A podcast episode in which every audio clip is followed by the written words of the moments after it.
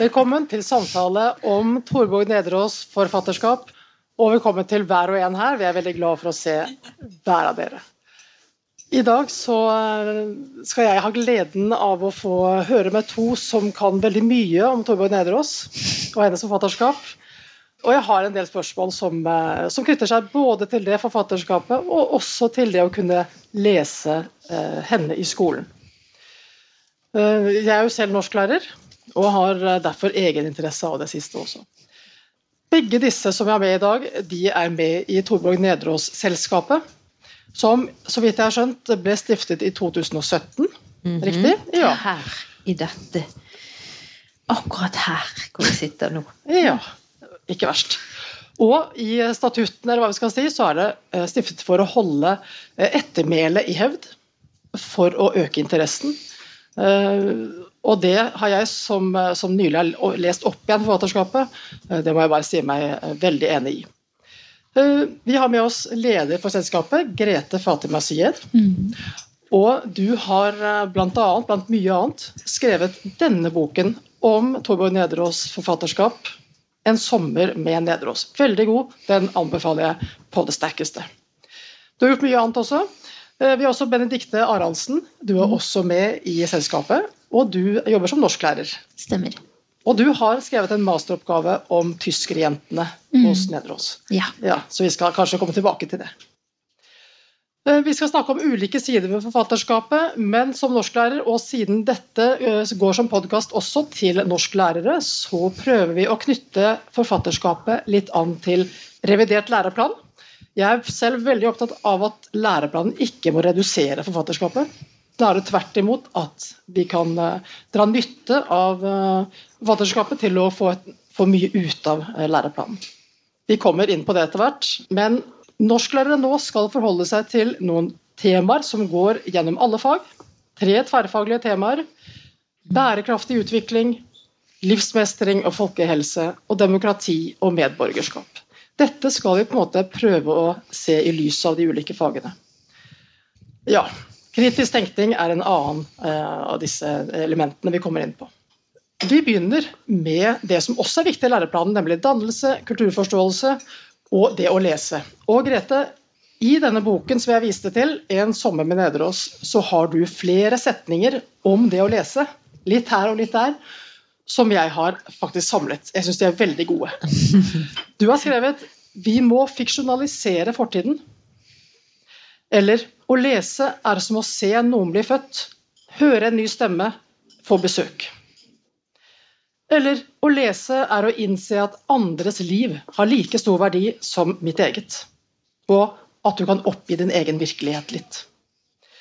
Eh, kunst og litteratur, har du skrevet, fins for det som vi aldri kan snakke om på annen måte. Og kunsten, som litteraturen, samler det fragmentariske i verden for oss. Så kunst er viktig i skolen, litteratur er viktig i skolen. Torborg Nederås er i høyeste grad kunst. Leses hun? Det er det vi skal snakke om i dag. Og hvorfor bør hun leses? Har du noen innspill rundt ja, det? Ja, mange. Leses hun um, Hun leses i hvert fall mer nå enn for kanskje ti år siden. Uh, og det har vi titt og ofte i Nedre selskapet tatt litt av æren for. Fordi at uh, når uh, vi begynte, så var hun ute av veldig mange pensumlister på høyskoler og universitet.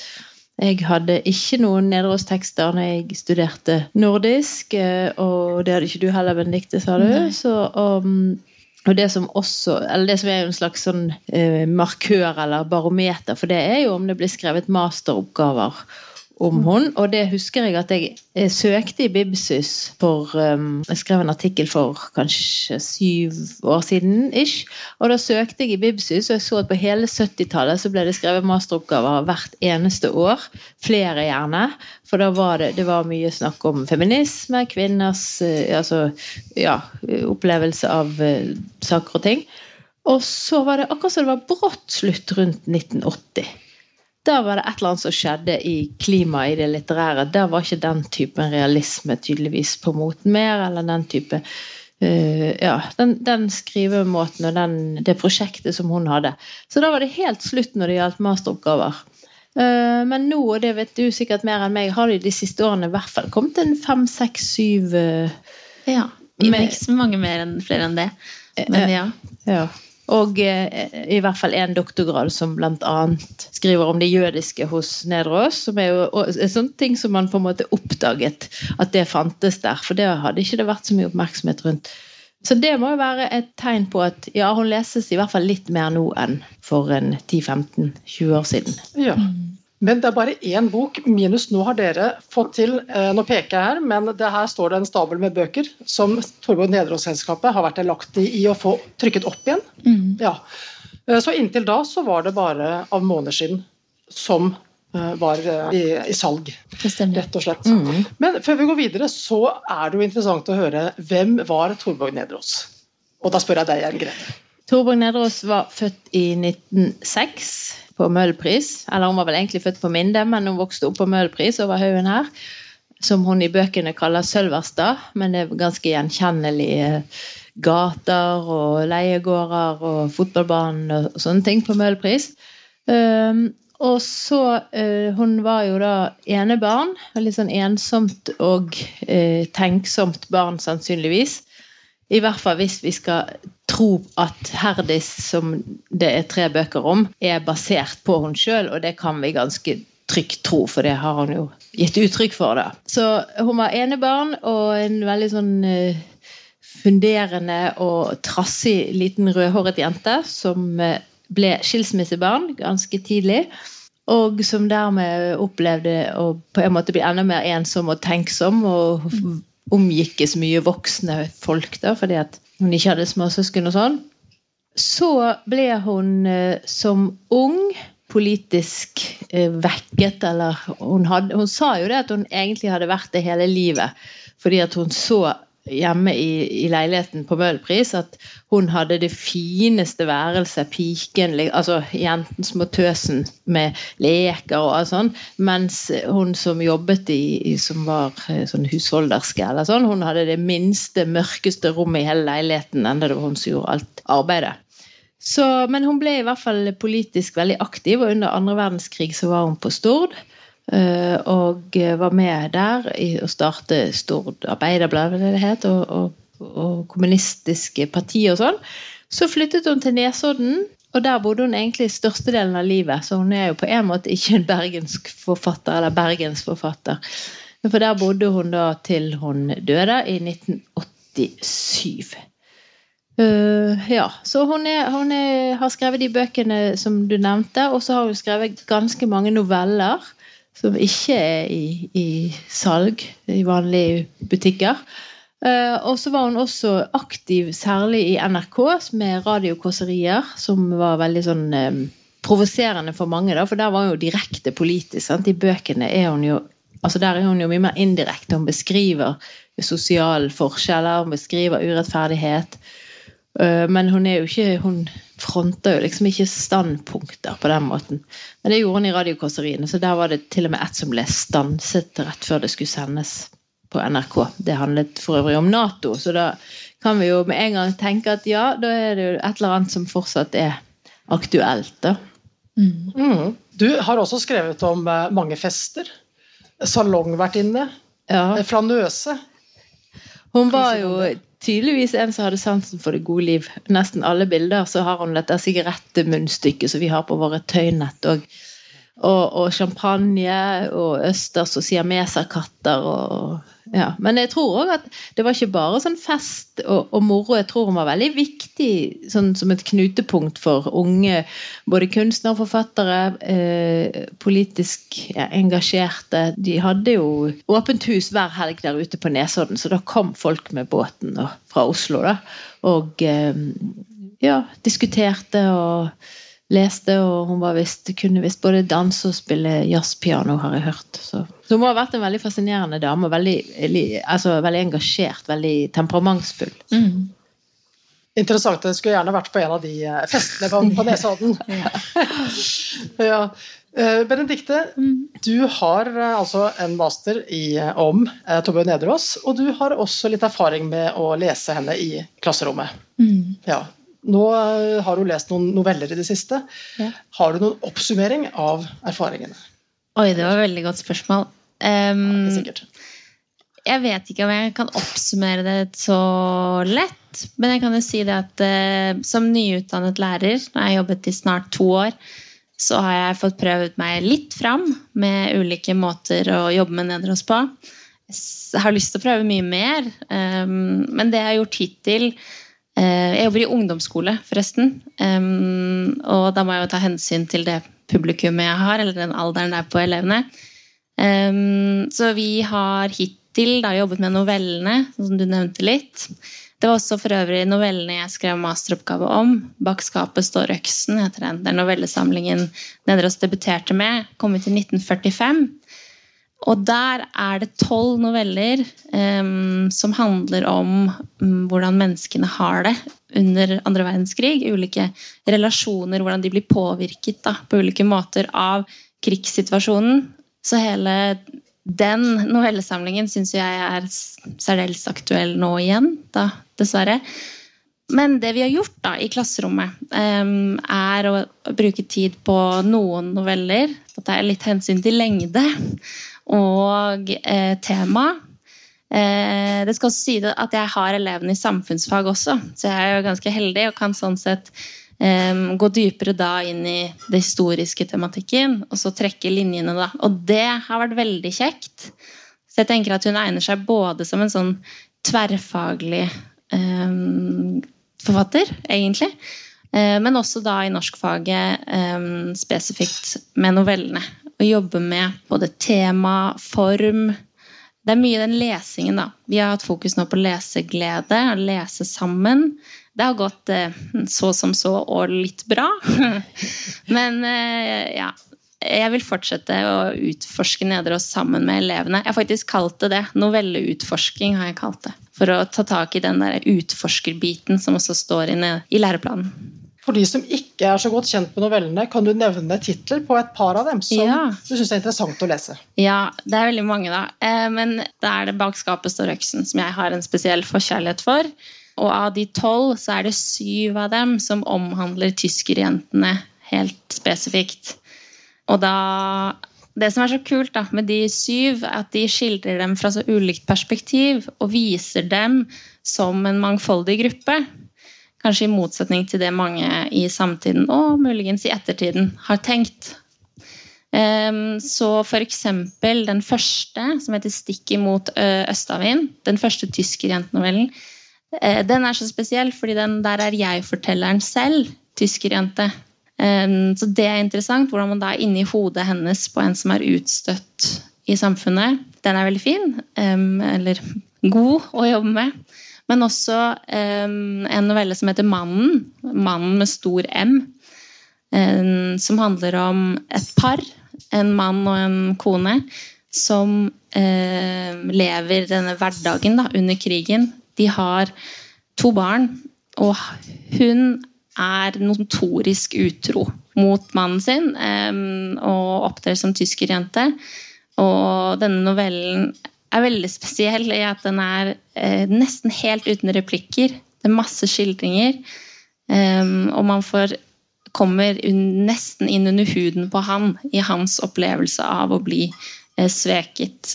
Og hvordan han må redde disse barna da, som blir vanskjøttet av sin mor, som kun har oppmerksomhet for festing og sigaretter med tyskerne. Eh, den traff elevene. Og også den siste eh, tyskerjentenovellen i novellesamlingen, som heter er utrolig dårlig på tysk, så jeg uttaler det sikkert ikke rett, men 'Achtung gnädiges Fraulein', eh, som handler om en ung norsk jente som tilfeldigvis, eller ja, på noe vis, har rotet seg borti en tysk offiser. En maktsyk jævel, jeg tør å bruke det, fordi han er så utrolig dominerende og ja, låser henne egentlig fast. da. Denne novellen er eh, skikkelig grov, um, og det er kun han som har ordet. Han, novellen er egentlig en monolog. Det er ingen skildringer, ingenting. Det er kun hans stemme. Og jenta kommer ikke til ordet i det hele tatt. Kun via tankestreker. Den leste vi faktisk i dag eh, med en klasse, og det var så spennende. Vi satt og hadde kulrunde øyne og eh, reflekterte sammen da underveis. Vi har sånne tenkestopp, at vi leser sammen, og så stopper vi. Hva skjedde her? Um, og det for å få med alle, da. Eller prøve å få med alle. Uh, så de tre er det jeg nå har utforska sammen med elever. Gode tips. Jeg leste selv denne, jeg sliter også med uttalen, Afton i går. Den gjorde inntrykk på meg. Ja. Uavhengig av krig, så er det Ja. jo forhold mellom kjønn, eller mellom makt. Ja. Makt, først og fremst. Maktstrukturer, ja. Eh, Det du sier om mannen er jo interessant også, at hun har ikke noe entydig eh, idyllisering av tyskerjentene. Overhodet ikke. Nei, Det er interessant, og det er jo også spennende for oss som skal knytte det til kritisk tenkning, Mm. og det at her er det ingen faste svar. Det er en, en god forfatter viser jo ambivalensen i tilværelsen. Ja. Hun har kalt eh, novellesjangeren for den ovale sjanger. Mm. Hva ellers preger forfatterskapet i stil og form? Er det, noe, er det mulig å si noen sånne? Ja, altså Det som slo meg nå når Benedicte snakket, det er jo egentlig hvor ulike de novellene er. ja. Fordi at sånn som dere sier, denne Artung, det er en monolog. Den er liksom helt sånn massiv, eh, Ja. rasende, kvernende tekst. Og jeg som ikke har vært så mye ute i skolen, jeg ville jo tenkt at den var veldig krevende, fordi at den er så liksom en, ja, den er massiv. Mm. Du blir nesten overkjørt når du leser han av denne stemmen. Eh, men, uh, men ja, hun sa jo sjøl at hun var novellist av legning, og selv når hun skrev romaner, så, så laget hun kapitlene som sånne avrundede Det er derfor hun kalte det oval, da, for at hvert kapittel fikk liksom en sånn begynnelse og slutt som nesten kunne vært som en novelle. Men, men eh, jeg satt og tenkte når du snakket at de eh, novellene i Bak skapet står øksen, de er jo ganske forskjellige. Og, og egentlig resten av forfatterskapet. Noen er veldig sånn drømmende, sånn som den heter Andrej, Mm. som òg handler om krigen på den måten at det er en soldat, da, men eh, så er det også ganske sånn psykologisk eh, Altså det er kjærlighetshistorie inni der, og det er liksom utforsking av hva er virkelig, og hva er drøm, eller hallusinasjon, eller minne, eller i hvert fall noe som går utover realismen, da. Uh, og så har hun jo en del som er sånn med, med handling En tittelnovelle er jo jeg veldig glad i. 'Bak skapet står øksen'. Som handler om en uh, mann som sjøl har mistet uh, sønnen i er det vel den spanske borgerkrigen. ikke det? Ja, i hvert fall. Han har mistet sin unge sønn og er egentlig bare full av hat. Da. Veldig sånn utilslørt, rått hat mot tyskerne og okkupasjonsmakten. Og det er jo selvfølgelig den på en måte godkjente følelsen å ha, eh, i hvert fall i 1945. da. Men så blir, er, handler jo den novellen om at han ser en annen ung mann på trikken. Og det er en tysk soldat, som er jo da fienden på alle måter. Men han uh, unge tyske soldaten er jo så stakkarslig. Han er, han er full, og han er dårlig, og han er jo bare nesten et barn. Sånn at helt imot sin egen intensjon og sin egen naturlige impuls, så får han en omsorgsfølelse for den for fienden, da, rett og slett. Og det er jo Ja, du snakker om kritisk tenking, og det her med, med um, at, at uh, fenomenene og virkeligheten har nyanser, er jo noe av det som er viktig, da. At ikke det er svart-hvitt eller venn-fiende eller sånn. Det, det, det er gjennomgående for hele forfatterskapet, syns jeg. Og det er noe av det som ofte blir nevnt, at når hun kom med disse bøkene i 1945, så var det ganske modig og ganske dristig, for det var jo en ja, en følelse og en folkeopinion som ja, Vi vet jo hva som skjedde. De ble jo skamklippet og jaget gjennom gatene, de som hadde hatt eh, med tyske soldater å gjøre. Og, og, og da sto Nedreås frem og var veldig, ja, veldig tydelig på at her er det noen nyanser og, og, ja, som er viktig å ivareta. Men det gjaldt vel veldig mange av prosaforfatterne i Norge etter eh, verdenskrig. Også Sigurd Hoel for eksempel, og Kåre Holt, som klarte å se til og med nazistene som, som mennesker som kanskje hadde sine grunner. Så eh, litteraturen gjør klok. Men det var vel egentlig noe annet du spurte om? Du spurte fulgte litt av kjennetegn stil. Ja, det er, for jeg leste nemlig at du har skrevet det er veldig mye adjektiv der. Eh, Ja. For eksempel. Mm. Veldig beskrivende. Og veldig eh, sanselig skrevet. Absolutt. Sanselig er vel kanskje det aller viktigste stikkordet. Og, og, av de sansene vi har, så er det jo kanskje luktesansen og hørselen som må virkelig virkelig, virkelig eh, gir plass og breier ut. Jeg må få lov å bare si at du har eh, da Jeg baserer meg veldig mye på den, for den er så god, syns jeg. Um, og du kjenner forfatterskapet så godt. Um, mm. Men um, du har sagt å lese Torborg Nederås, spesielt Herdis-trilogien, er som å se Bergen på nytt. Og det sier du som er fra Bergen. Ja. Nå har jeg aldri vært så veldig patriotisk, så må jeg innrømme kanskje ble det litt av å lese nederst. Jo, men jeg husker det at når jeg holdt på med den boken, den kom vel i 2019, så, så, ble det altså, så kikket jeg litt mer opp på fasadene og, og liksom gikk i Nygårdsparken og tenkte liksom ja, ja, her har hun gått, men denne asfalten er nok ny, men var den fontenen, var det den som var der da? og sånn. Så, så, det er veldig sånn eh, Ja, visuelt òg, men, men, spesielt de lydene og luktene som hun Hun sier at eh, det er en annen lukt av snø som holder på å råtne enn snø som er ny, og av eh, Ja, Mars har en, en egen lukt, og Ja, det er veldig, veldig så fint. og som sagt så har ikke jeg vært så mye ute i skolen, men jeg tenker jo litt sånn at det der må jo det òg kunne gå an å jobbe med i andre fag enn norsk, f.eks. kunst og håndverk og den type fag. For hun, hun, snakker jo stadig på tvers av sansene. Snak, altså Herdis, Lille Herdis har jo lyst til å tegne musikken, f.eks. Og det syns jeg er veldig fint.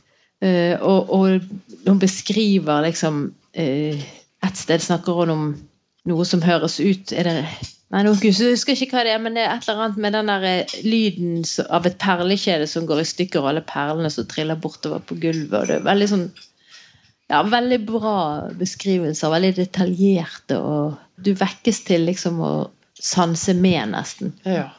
For da jeg leste det om igjen nå, for et, år siden, et års tid siden, så var det jo faktisk eh, den måten hun skriver på.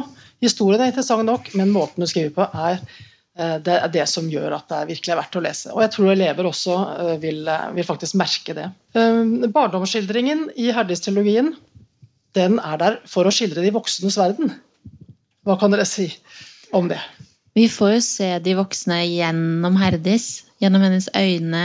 Og det med at hun er barn, hun er ung. Hun kikker på de voksne, hun hører på de voksne, hun sitter til bords. Hun får servert vin, av og til. Eh, hun er på en måte deltaker, men så er hun ikke det likevel, for hun er jo ikke voksen. Hun er ikke likeverdig. Hun blir føyset ut. Gå ut og lek. så vi har på en måte med å gjøre en jente som er litt med, men som også er på utsiden. Og kanskje mest på utsiden. Eh, og hennes tanker om de voksne. Hva er det hun Eh, sier, hun spør moren om um, det er noen som er fulle mann, at de da er beruset, da har drukket. Det er en del sånne barnslige, men veldig intuitive beskrivelser av de voksnes verden på en mm. barnslig måte. Mens en av de, en av de som, er, som, hun setter pris på, det er jo han som er fulle mann. Ja, Elias. Mm. Morens ja. nye kjæreste. Ja. ja. Interessant også. Mm. Ja, for det er ikke noe sånn moralsk Det er jo det der at hun, hun bare ser og tar inn alt. Og så er det jo noen veldig såre beskrivelser, da, for det er blant annet mm, med denne skilsmissen så er jo Moren har fått seg en elsker, og det er jo veldig tydelig for oss som voksne lesere som ser at nå blir hun plutselig mer opptatt av å stå foran speilet, og, og hun er jo en veldig vakker moren, da, mens lille Herdis stakkars har rødt hår, og det er jo nesten en skam på den tiden, visst. Men, så det, det, er jo veldig sånn sårhet i hvordan moren ser sitt eget speilbilde og, og, ordner hatten og slør og pudder og alt sånt, mens Herdi står liksom og, og, vil bli sett og vil ha oppmerksomhet. Det er jo en sår, sår del av den boken der, forholdet mellom mor og datter. Mm. mm. også far og datter. Ja, far og datter også. Far som litt mer sånn, ikke tusseladd kanskje akkurat, men i forhold til mor. Og mor som kanskje ikke gjør så mye galt, egentlig, men som bare ikke ser henne. Det er ganske hjerteskjærende ja, eh, mellommenneskelige beskrivelser der. Jeg tror også at en del elever kan kjenne seg igjen i Herdis. Det er en del skolebeskrivelser om hvordan Herdis eh, å, har så vondt i hodet, å, er så svimmel, å, må hjem. Og det er jo sånne eh, fysiske ting som man ikke kan på å si, teste. Du kan jo måle feberen på et barn, men du kan ikke faktisk teste opp en har vondt i hodet eller er svimmel. Jeg tror at en del elever vil kjenne seg igjen i det. da, Å være elev og egentlig ville være et annet sted. Du beskrev jo Torbjørg Nedreås selv som drop-out. Ja. Altså fra skole, at hun faktisk ikke var noen mønsterelev. Nei, da både, jeg håper å si, både frivillig og ufrivillig. For det var jo det at når foreldrene ble skilt, så ble hun dratt litt hit og dit mellom, mellom de nye familiene til foreldrene. da. Men jeg tror, jeg tror det der er litt sånn legning òg. Altså, det å være litt utafor, det tror jeg kanskje du kan være uansett. Eh, og eh, Nedreås sa jo veldig mange ganger sjøl det der med at eh, alle barn er kunstnere. Alle barn er egentlig det bare, altså det er bare noe vi avlærer oss med tiden. Alle barn har sanseapparater og har fantasi. Og, og, så blir det bare slipt mer og mer ned, og vi får mindre og mindre belønning for det og, og skal være, bli mer og mer firkantede mennesker.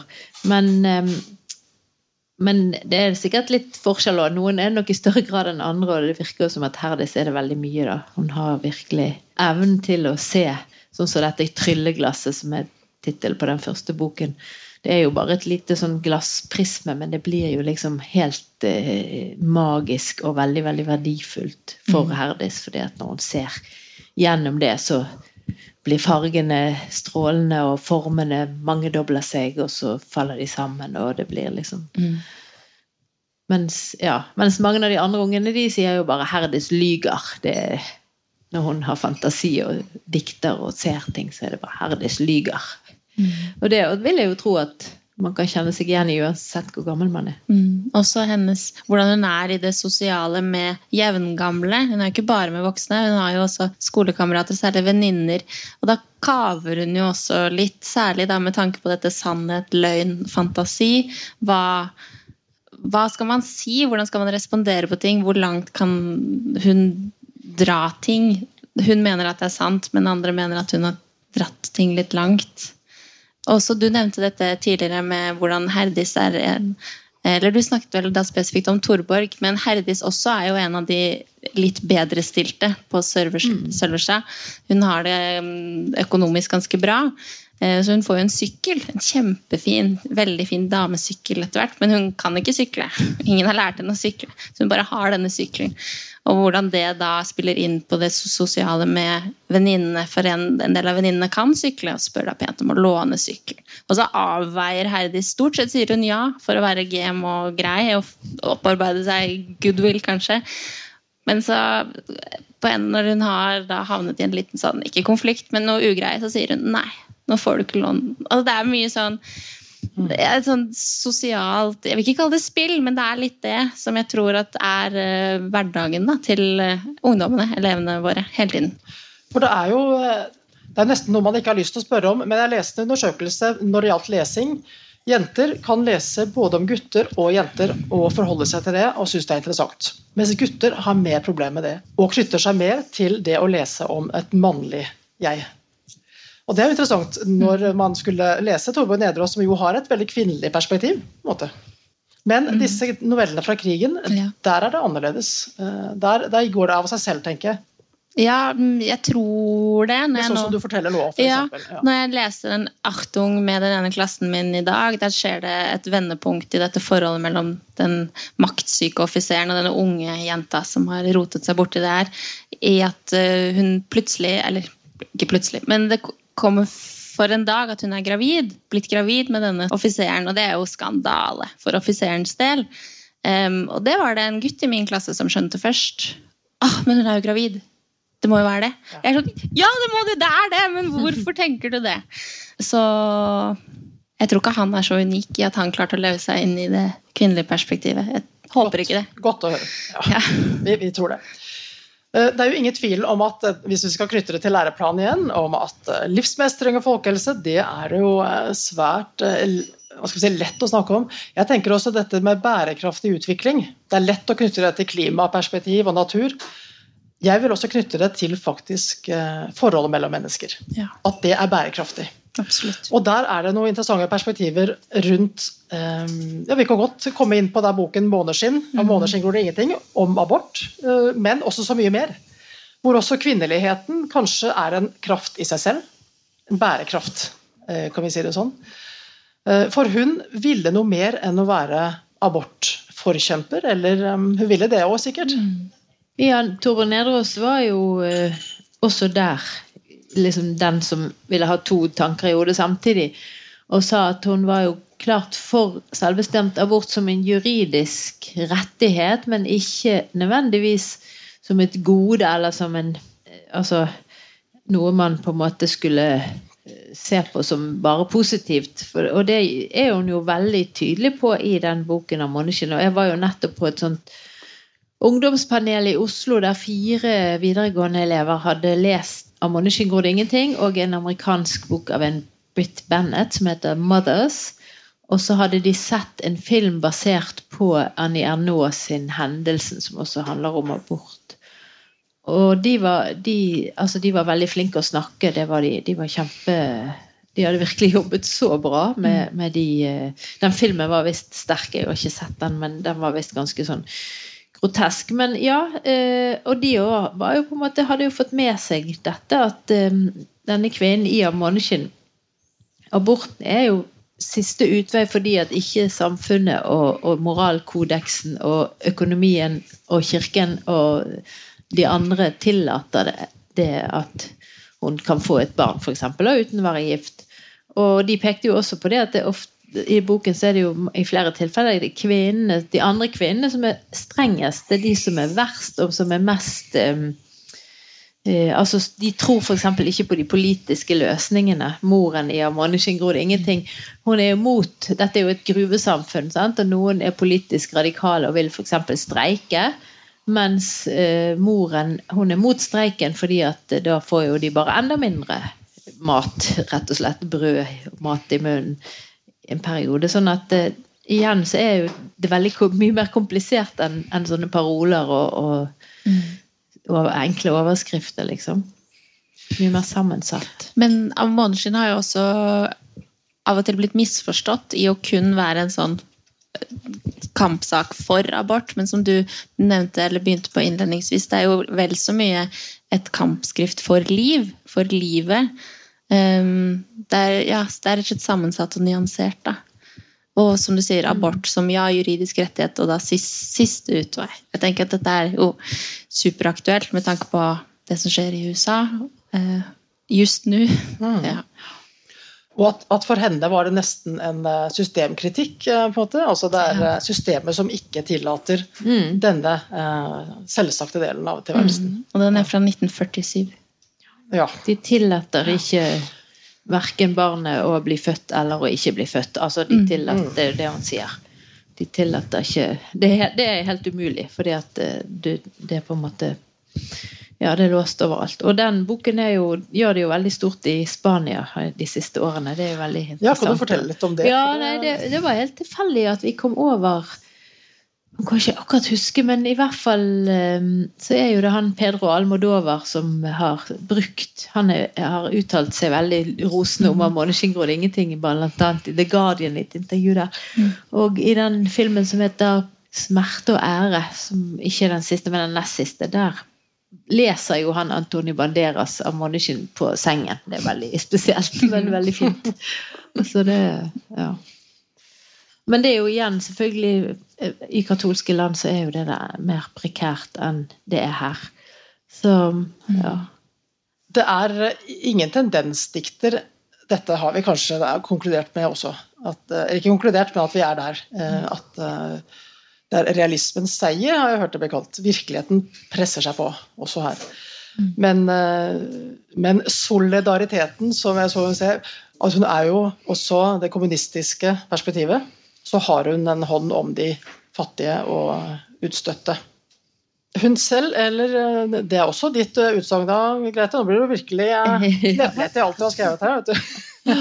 At både Torbjørg Nederås og Herdis demonstrerer gjennom å være passive. på en måte på den måten at festene til Torbjørn Nedreås det er en måte å uh, leve et uh, Der kan vi bruke begrepet bærekraftig liv på også.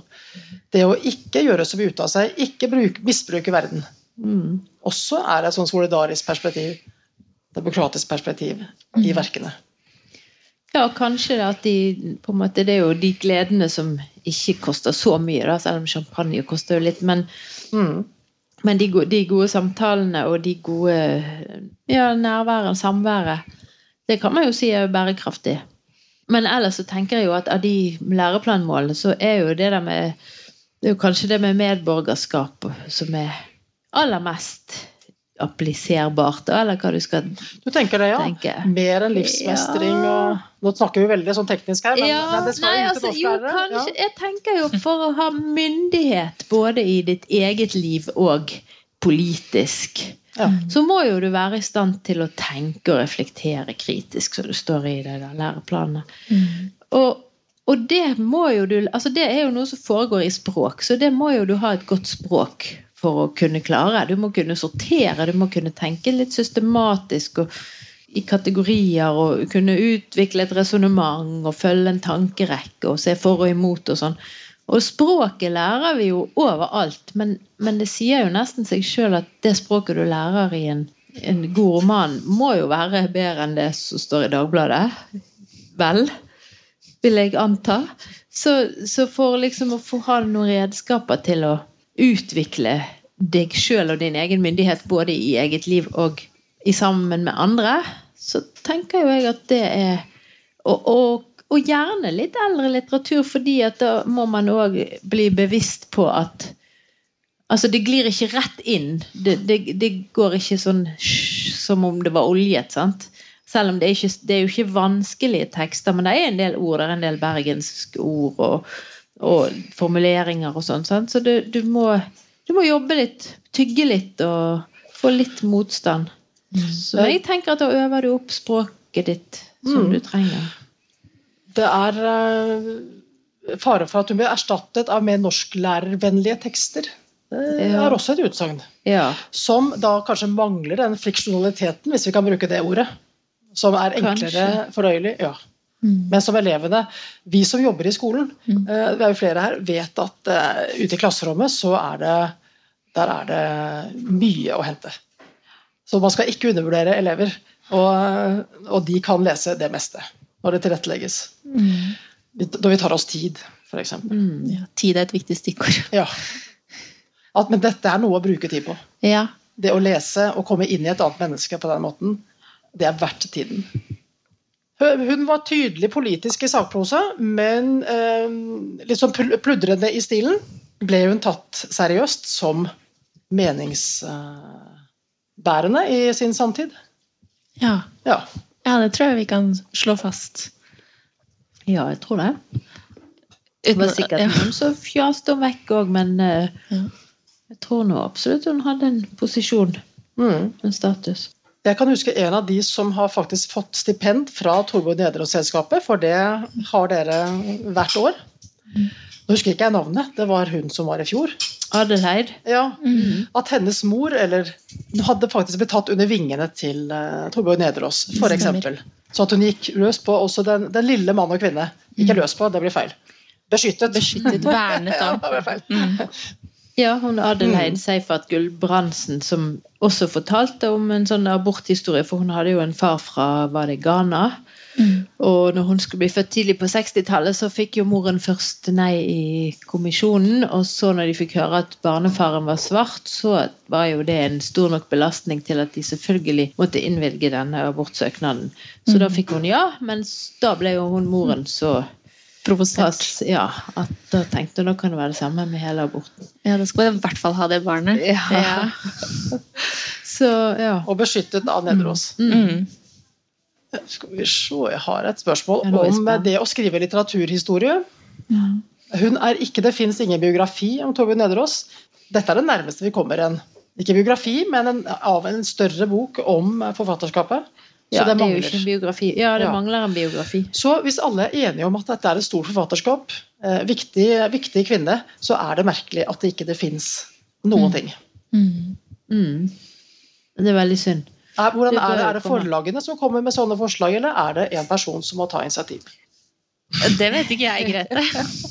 Nei, det er jo en som har holdt på en stund, men Mhm. ikke kommet i mål. Og da tror jeg det er eh, sikkert en uskrevet regel at da skal ikke noen andre begynne å kødde med det materialet så lenge det liksom er Ja, det henger i hengende snøre der. Så, men det er jo veldig synd. Før eller senere må det jo komme. Det, det, det er jo forfatterskapet for viktig, og den altså personen Nedreås for på en måte eventyrlig til å ikke få en biografi, for det er jo det, veldig, en veldig interessant person og et veldig interessant forfatterskap. Mm. Så det må skje. Mm. Et, en biografi og et uh, bergenskart over Herdis vandringer og, og, sånn. Nå kommer jo det et fysisk minnesmerke da, i Bergen i denne Bergen kommune sin serie 'Kvinner på sokkel', så ja. det blir jo bra. Hvor og når? Nei, det er litt Vi kan vel ikke svare på noen av de spørsmålene. Men det kommer, det er jo vedtatt. Ja. Så, og det blir sannsynligvis ikke en sånn gammel, tradisjonell skulptur som forestiller Nedreås, men eh, det kan bli noe veldig kult. Mm. Er det noe dere har lyst til å avrunde med, så tenker jeg at det har vært eh, fint å åpne for spørsmål fra salen, selv om dette her eh, Da trenger man mikrofon, eller vi kan videreformidle, siden det er podkastopptak. Gjentak. Ja. Som dere tenker at det er viktig perspektiv å få med. Jeg vet ikke, men jeg har lyst til å, å gå tilbake igjen i klasserommet og si det at Nedreås funker. Hun funker for niendeklassinger, tiendeklassinger og helt sikkert enda bedre på videregående. Det tør jeg bare slenge ut sånn som det. Så det er verdt å gi det et forsøk og bruke henne og prøve igjen hvis ting ikke går, ikke går som planlagt, og det gjør de jo stort sett ikke. Ja, og de gjør jo ikke det. Og at eh, noveller er en veldig takknemlig sjanger å jobbe med i skolen. Um, med tanke på tid og lengde og tekstmasse for f.eks. dysletikere og andre da, som trenger eh, ja, tilpasninger. Sånn at uh, Jeg er veldig glad i noveller, fordi de er, ja, de er kortere, betydningstettet og ja, spesielle som sjanger. Og det er så mye å tolke på på en måte liten plass. Ja. Så jeg ville um, gjenta det og hause opp novellen, da. Som kanskje er litt, en sjanger som blir litt hoppet over eller forbigått. Um, at storebroren i romanen er på en måte ja, tungvekteren i skolen og ellers. Så en shout-out til novellen. Så bra. Nei, det, jeg vil egentlig bare skrive under på det. Eh, for det, det kjenner jo Herdis-bøkene kan jo være litt langsomme litt sånn i perioder så er fremdriften så, mm. Men novellene, som du sier, er kompakte. og Jeg skriver under på den, jeg. Fint. og så kan vi jo da til slutt Jeg har allerede reklamert for den, det gjør jeg igjen. Um, og her er jo Torbjørn Nedreås selv. Denne har uh, Bergen katedralskole, altså av måneder sin glorie ingenting, kjøpt inn et klassesett av. Så jeg tenker også det er verdt å prøve å lese en, en av disse romanene med elever. Ja. Uh, selv denne. Ja, Den er jo ikke veldig tjukk, den heller. Nei, den er Nei. ikke så tjukk. Og så har vi Herdis-trilogien, som vi nå tenker at må jo, jeg må bare legge den sånn. Mm. At, um, at, den også bør komme ut i klassesett, sånn at kan, skolene kan låne av hverandre. Mm. Mm. Og man trenger jo ikke jobbe med alle tre. Man kan jo jobbe med f.eks. trylleglasset. Altså man tar ja, en av dem. Som er litt novellestruktur. Ja. Det første vinet om Herdis. Ja der hvor Herdis egentlig ikke har trådt fram skikkelig som hovedkarakter enda. Ja, Den blir jo utgitt som, som novelle. Mm. Og, og det er jo mange innfallsvinkler. Sant? Både det Vi snakket, vi har jo vært litt gjennom mange barne, mm. barndomsskildringene, det lokalhistoriske, det, det her med andre verdenskrig og ja. Mm. Nei, for, unnskyld, første verdenskrig er det jo i, i Herdis. Mm. Så det er mange måter. Da tenker jeg vi hopper på noen spørsmål også. Bare uh, gi lyd hvis dere har noe, så kan vi bare gjenta det, f.eks. Vi har fått et godt spørsmål her nå. Vil dere gjenta det? Jeg kan gjenta, så kan jeg stille det til deg. Jeg har gjenta det, men jeg vet ikke om jeg kan svare. Men... og da er spørsmålet hvem eh, og hvilke verk kan man sammenligne oss med? Ja, jeg kan ikke svare, altså, men jeg kan begynne å svare, så kan ja. dere ta over. ja. Eh, jeg, jeg, tenker jo, i hvert fall når det gjelder kvinnelige novellister, så er jo det noen veldig gode norske nå i dag. Eksempel Ingvild Rishøi. Eksempel Merete Lindstrøm. Eksempel en som ikke er så kjent, som heter Mari Andreassen, som ga ut en novellesamling for et par år siden og som har skrevet i vårt nyhetsbrev, som tar opp en del lignende altså sånn, ja, sosiale skiller, men selvfølgelig helt i vår tid. Som som er helt forskjellige på mange måter, Mm. men samtidig har noen av de samme temaene. Det var det jeg tenkte mens du sa det, men eh, ja. Innspill fra salen, godt innspill om å eh, sammenligne da Nederås sin eh, Eller sammenligne, men samlese og koble opp eh, musikk fra en blå brønn til eller mot Elena Ferrantes bøker på noe vis. At Innspill fra salen eh, sammenligne eller eh, koble opp mot, godt sagt, eh, mot Helga Fatland. Bli hvis du husker Bli hvis du kan, reis hvis du må. Ja. Du eh, fra salen, den som satte seg alt du leste på skolen, det er Torbjørn Nedreås novelle 'Kruttrøyk' fra 'Bak skapet står øksen' fra 1945. Eh, Jeg leser den med, med elever, Mm. og den, eh, den går hjem. Minus vi snakket om at det er kanskje litt langsomt parti midt på. Mm. I begynnelsen Eh, og ja, midt på. hvor de snakker og snakker og snakker, og av og til jeg leser alltid høyt. Det hender at jeg hopper over litt av dialogen der, det må jeg innrømme.